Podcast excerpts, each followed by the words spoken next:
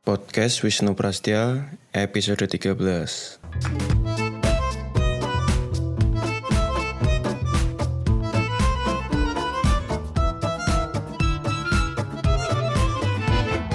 Halo, ketemu lagi eh, di podcast yang membahas isu-isu media dan jurnalisme. Nah, kali ini saya akan membahas isu yang beberapa kali ditanyakan oleh teman-teman lewat akun Instagram dan Twitter saya tentang ada beberapa pertanyaan tentang model bisnis media yang ideal untuk sekarang. Nah, tapi sebenarnya saya tidak akan secara langsung menjawab pertanyaan tentang uh, hal tersebut karena ya bisa jadi uh, bukan orang yang tepat ya saya untuk menjawab pertanyaan tersebut. Tapi saya ada cerita yang yang saya kira menarik untuk dibagikan terkait uh, salah satu alternatif uh, mengenai model bisnis media khususnya tentang media koperasi.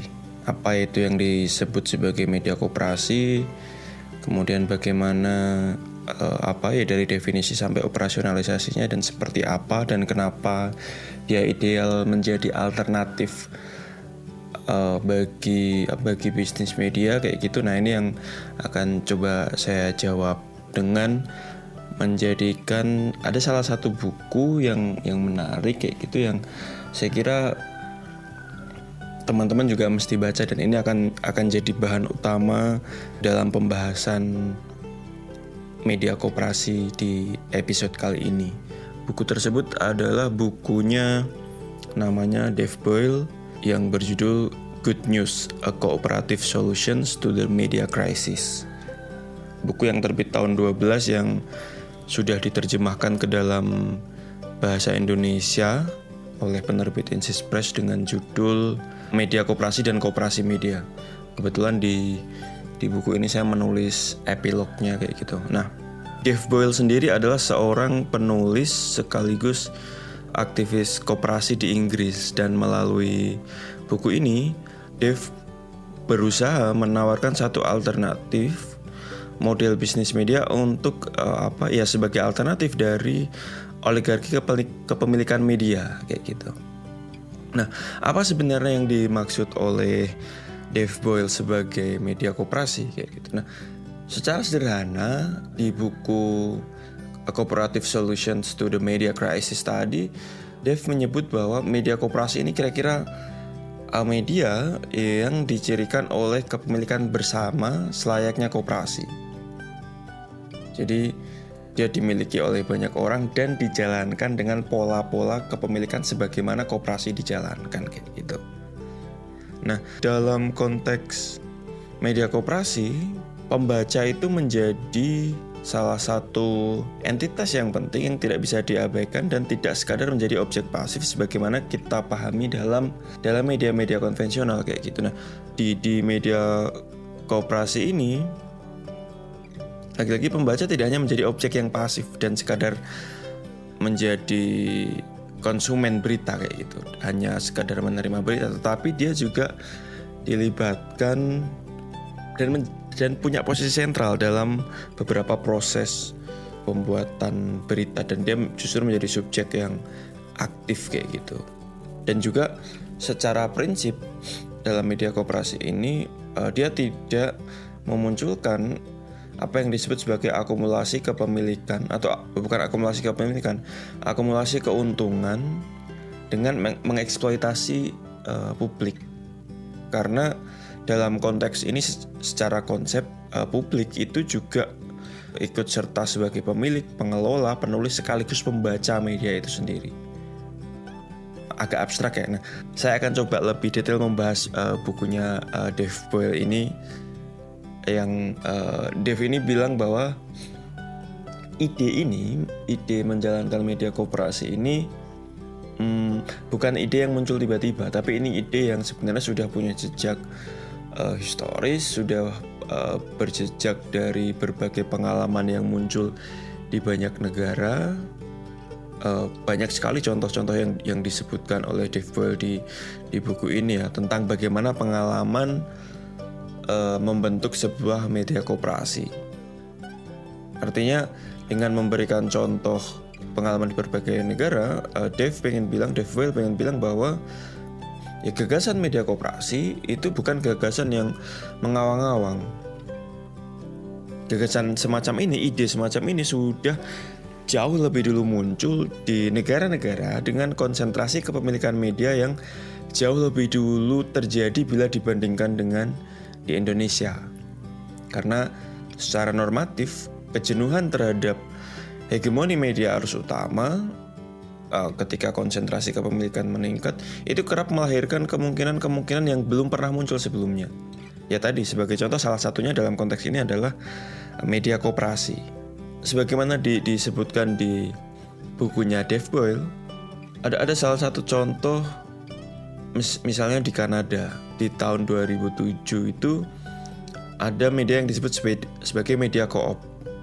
Media koop yang yang lahir sebagai bentuk perlawanan aktivis-aktivis sayap kiri terhadap uh, media-media arus utama yang saat itu hegemonik dan tidak berpihak dalam konteks memperjuangkan kepentingan-kepentingan mereka setidaknya dalam konteks mengarus utamakan wacana yang mereka perjuangkan kayak gitu.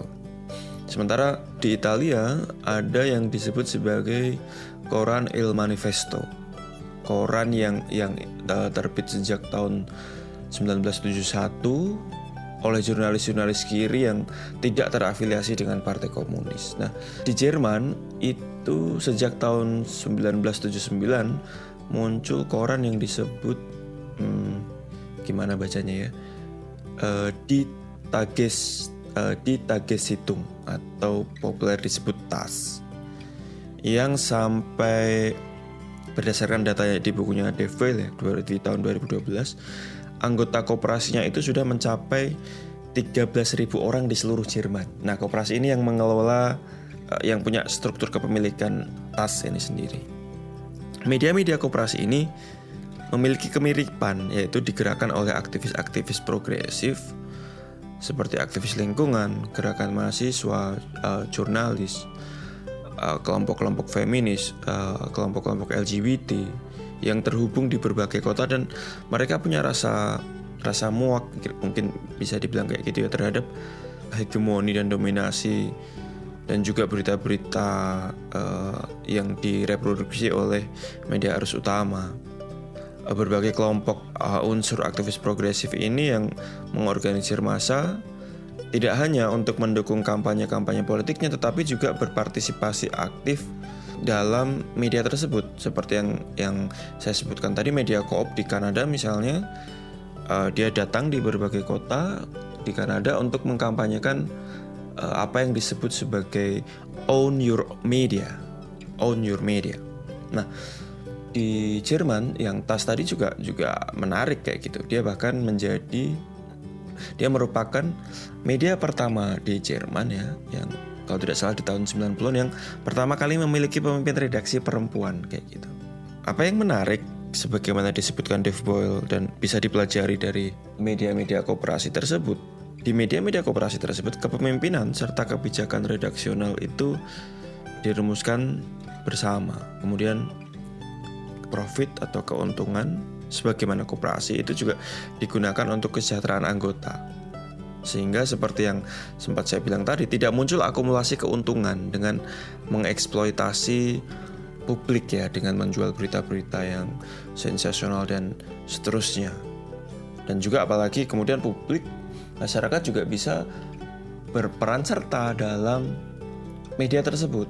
Nah, apa yang disebut sebagai citizen journalism kemudian mem memungkinkan itu terjadi, konsep itu terjadi. Bagaimana kemudian semua warga itu bukan semua warga, ya, setiap orang itu bisa menulis menyumbangkan uh, tulisan kayak gitu. Dan ini ini secara, sebagai sebuah konsep yaitu tadi bagaimana publik bisa terlibat dan bahkan terlibat aktif termasuk dalam konteks memproduksi berita kayak gitu. Nah, syarat utama dari ruang redaksi yang dirumuskan bersama dalam konteks media kooperasi tadi adalah bahwa kepemilikan kolektif itu bisa membuat ruang redaksi relatif lebih independen dari kepentingan ekonomi dan juga afiliasi politik praktis.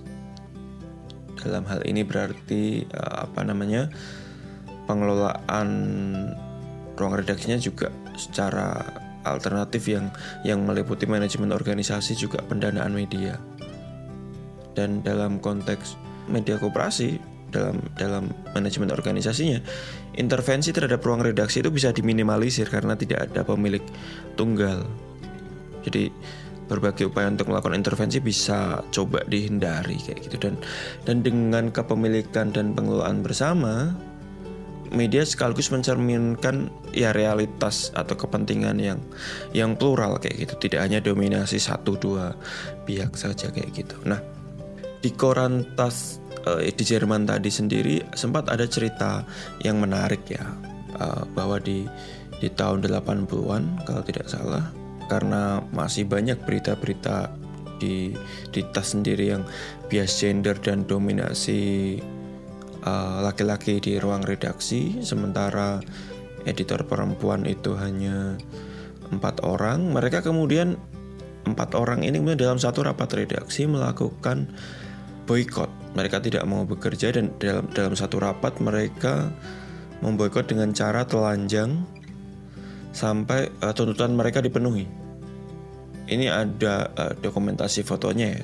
Saya saya melihat kalau tidak salah di di buku biografi tas kayak gitu yang yang sayang belum diterjemahkan ke bahasa Inggris apalagi ke bahasa Indonesia dulu sempat berencana diterjemahkan tetapi tidak jadi nah di, di, di buku biografi tas ini dia cerita tentang pengelolaan tas sebagai sebuah media kooperasi sebenarnya beberapa poin dalam buku ini ditulis dalam seri tulisan di di balerungpress.com ya Nanti teman-teman coba cari artikel tentang tas. Ada 6 atau 7 seri tulisan yang membahas yang diekstrak dari buku ini. Nah, oh kembali ke cerita soal hmm, empat editor perempuan tadi. Nah, mereka memboikot dengan aksi telanjang di di di salah satu rapat dan pada akhirnya tuntutan mereka kemudian dipenuhi dan ini menjadi salah satu bentuk kemenangan gerakan uh, feminisme kayak gitu karena mereka bahkan bisa jauh lebih uh, lebih jauh menuntut tidak hanya di internal PAS sendiri tetapi juga mereka menjadi media pertama yang punya pemimpin redaksi perempuan di tahun berapa? 80 atau 90 kayak gitu. Nah, kemudian kembali soal soal pendanaan ya. Di buku Dave, Dave Boyle sendiri juga model pendanaan ini juga penting kayak gitu. Karena dalam konteks media koperasi tidak ada kepemilikan media didanai bersama sehingga tidak ada juga ketergantungan terhadap iklan kayak gitu. Yang yang selama ini selalu menjadi problem klasik di media arus utama ketergantungan terhadap iklan kayak gitu. Nah, ketika dalam media koperasi kepemilikan dimiliki secara kolektif dan iklan atau pendanaan itu juga didapat dari masyarakat dari publik sendiri, nah kebijakan-kebijakan strategis redaksi juga Eh, bisa diputuskan bersama kayak gitu. Yang ini juga berpengaruh seperti yang sempat saya bilang tadi terhadap independensi ruang redaksinya dan ini kan dalam konteks yang lebih luas sebagai sebuah strategi wacana alternatif terhadap uh, konglomerasi media dia juga bisa menampilkan informasi alternatif kayak gitu dalam konteks era tsunami informasi kan informasi-informasi alternatif ini sebenarnya kita kita butuhkan kayak gitu. Ini yang muncul informasi-informasi alternatif ini yang muncul di media-media yang tadi di atas sempat saya sebutkan dijelaskan oleh Devil di bukunya. Dia tidak hanya pendanaannya alternatif, tetapi juga pada akhirnya sampai ke model jurnalismenya juga alternatif, termasuk konten atau apa yang diproduksi, tema yang diangkat di Kanada di media Coop misalnya dia dia memberikan informasi-informasi alternatif yang seperti ada dalam bukunya Dave Ball itu katanya tidak mungkin muncul di media arus utama. Misalnya salah satunya yang menarik itu ketika di tahun 2004 dia menampilkan informasi berita mengenai Eh, keterlibatan pemerintah Kanada dalam kudeta di Haiti di tahun 2004. Ini jenis liputan yang hampir tidak mungkin tampil di media-media besar di Kanada kayak gitu. Nah, dalam konteks itu sebenarnya juga penting untuk mengajak atau menumbuhkan keterlibatan masyarakat. Karena yang jauh lebih penting setelah proses produksi berita adalah bagaimana orang merasa bahwa berita ini relevan sehingga mereka mau berdonasi atau terlibat kayak gitu. Ini prinsip yang berulang kali dijelaskan oleh uh, Dave Boyle. Bahwa dia juga menyebut bahwa uh, pelajaran dari berbagai negara tadi menunjukkan bahwa kepemilikan kolektif itu adalah media bisa membuat pilihan-pilihan idealis dalam bermedia itu bisa dilakukan tanpa meninggalkan beberapa aspek komersial yang diperlukan untuk menghidupi sebuah media. Karena dalam konteks ini kepemilikan kolektif ini media koperasi kemudian bisa mengangkat informasi yang tidak muncul di media arus utama sekaligus menjadi sarana advokasi buat buat masyarakat terutama kaitannya dalam isu-isu atau informasi-informasi penting kayak gitu yang relevan dan dan dan mendesak untuk di disiarkan atau diarus utamakan kayak gitu. Nah, namun setelah beberapa catatan tadi, Dave Well juga memberikan catatan penting terhadap hmm, apa namanya terhadap perkembangan media koperasi ini bahwa dia sebenarnya juga bukan tanpa hambatan tidak dalam konteks operasional ya tapi ini berbicara dalam konteks uh, prinsip di mana kemudian Dev juga memberikan gambaran dengan memberikan beberapa contoh misalnya begini di Il Manifesto di Italia koran di Italia koran koperasi media koperasi di Italia dia sifatnya sangat aktivisme kayak gitu. Bagaimana kemudian bagaimana kemudian di Italia wartawannya sangat menjadi aktivis karena memang dia dikerjakan oleh banyak aktivis kayak gitu dan tapi koran ini punya pengaruh yang besar terhadap kebijakan politik nasional. Ada salah satu artikel yang ditulis oleh Guido Moltedo kayak gitu yang yang uh, nanti kalau teman-teman pengen artikelnya saya bisa kasih kayak gitu dia mencatat bagaimana koran ini itu punya pengaruh yang signifikan terhadap politik kiri di di Italia secara umum kayak gitu. Karena kenapa dia punya pengaruh yang besar? Karena jurnalis-jurnalisnya itu tidak hanya menempatkan diri sebagai jurnalis tapi juga sebagai uh, aktivis dan terlibat langsung dalam berbagai proses advokasi warga. Bahkan pengaruh politik ini jauh lebih besar misalnya dibandingkan dengan tas yang di Jerman tadi meskipun secara kuantitas jumlah anggota tas jauh lebih besar. Anggota koperasi Il Manifesto sendiri e, berdasarkan catatan Guido Moltedo ini mencapai hmm, 7.000 orang sementara tas tadi 13.000. Misalnya ada ada cerita begini.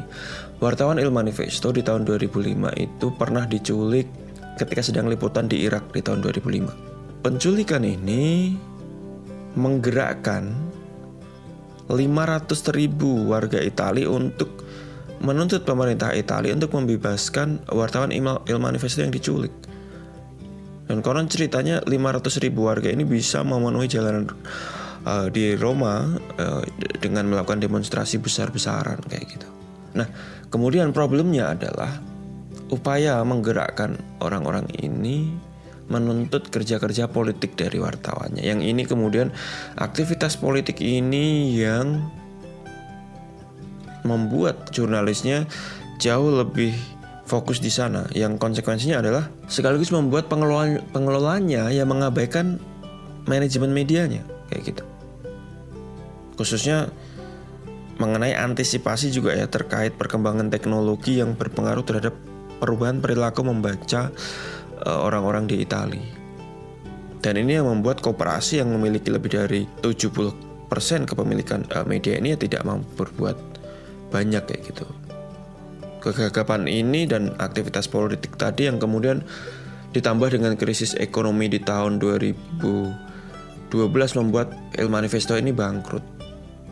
Padahal dulu ya sebagaimana dicatat uh, Guido Moltedo tadi Il Manifesto ini selalu mendapatkan keuntungan di akhir tahun yang kemudian dibagi uh, untuk kesejahteraan anggotanya. Nah, kalau tidak salah kemudian di tahun 2013 ketika media yang lama tutup kayak gitu karena uh, mismanagement tadi di tahun 2013 ada inisiatif-inisiatif dari wartawan-wartawan mudanya Il Manifesto sebelumnya yang kembali menghidupkan medianya dan mereka fokus uh, di online. Saya sempat cek tapi ya sayangnya dia pakai bahasa Italia jadi susah dipahami selain pakai Google Translate. Nah, karakter uh, Il Manifesto ini juga muncul di media koop yang beberapa kali tadi saya sebut di Kanada. Mereka sangat masif uh, menggalang gerakan di akar rumput. Dan basis utama pengelola media koperasi ini memang aktivis kayak gitu. Yang berkali-kali mereka kerap berhasil melakukan advokasi kebijakan, menggalang demonstrasi, baik isu nasional atau lokal kayak gitu. Tapi sayangnya fokus uh, sebagai aktivis ini yang membuat mereka mengabaikan pengelolaan medianya belakangan kalau teman-teman cek di di akun resminya Media Kopi itu justru lebih sering berisi pernyataan-pernyataan sikap ketimbang berita-berita. Padahal awalnya saya, kira, saya lihat itu banyak sebenarnya berita-berita yang yang menarik kayak gitu. Ketika sebuah media hanya berisi pernyataan sikap ya tentu pelan-pelan dia akan ditinggalkan pembaca kayak gitu yang justru sebagai sebuah konsep dia justru dia mencoba atau bahkan mengabaikan dari prinsip awal berdirinya tadi dan tidak bisa menjangkau publik yang lebih luas kayak gitu. Nah, itu dari sisi bagaimana efek pengelolaan media yang di, di, dikerjakan oleh banyak aktivis kayak gitu. Nah, kemudian kalau catatan penting terkait pengelolaan uh, atau soliditas pengelolaan media kita bisa belajar seperti disebut oleh Dave Boyle dari TAS yang di Jerman.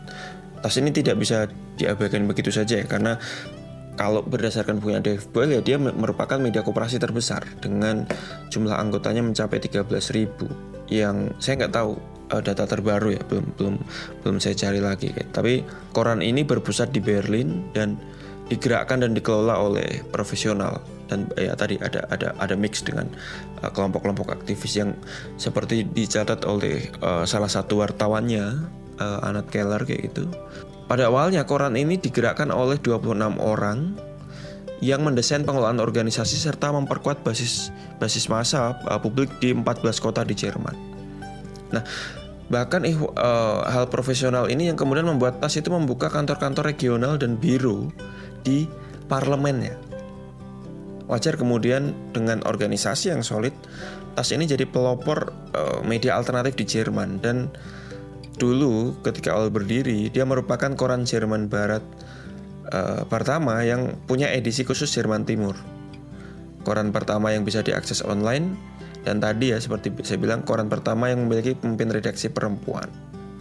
Yang harus diperhatikan jika gagasan tersebut ingin coba dicangkok ke Indonesia kayak gitu, salah satunya adalah bagaimana kemudian media kooperasi hanya dan baru bisa berjalan ketika dia menghubungkan antara pengelolaan media yang profesional dengan uh, gerakan di akar rumput, baik dengan kelompok-kelompok aktivis atau ya langsung dengan dengan uh, publik, dengan masyarakat kayak gitu.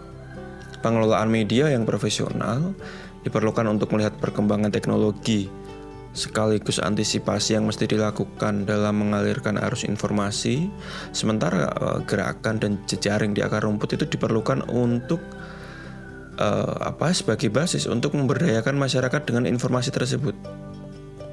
Nah dengan demikian media koperasi inilah yang ya ya mungkin uh, diidealkan oleh Habermas ya dalam dalam ruang publiknya ya menjadi apa media koperasi bisa menjadi ruang publik bagi warga kayak gitu. Nah, menurut saya sebagai sebuah eksperimen media koperasi ini layak untuk diuji coba di Indonesia kayak gitu. Dulu pernah coba diuji coba di Jogja ya oleh uh, kawan-kawan uh, apa namanya yang mengelola trasi.co gitu di di Jogja yang ya sayang karena berbagai alasan ternyata tidak mampu bertahan lama kayak gitu. Nah ini juga juga menarik kalau memang nanti ada yang coba berinisiatif untuk untuk membuat lagi kayak gitu sebagai alternatif terhadap situasi di mana kita seperti tidak punya banyak pilihan ya selain selain terhadap uh, kepada media-media arus utama kayak gitu. Jadi ya eksperimen dan ikhtiar yang saya kira layak dicoba kayak gitu. Nah, kira-kira begitu bahasan tentang media koperasi di episode kali ini.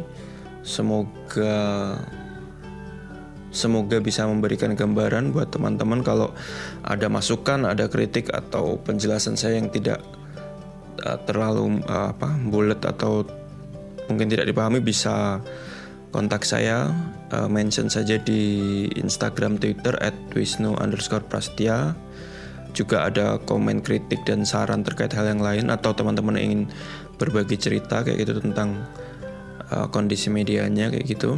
Nah, saya pamit undur diri dulu. Kita ketemu lagi di episode-episode selanjutnya. Ciao.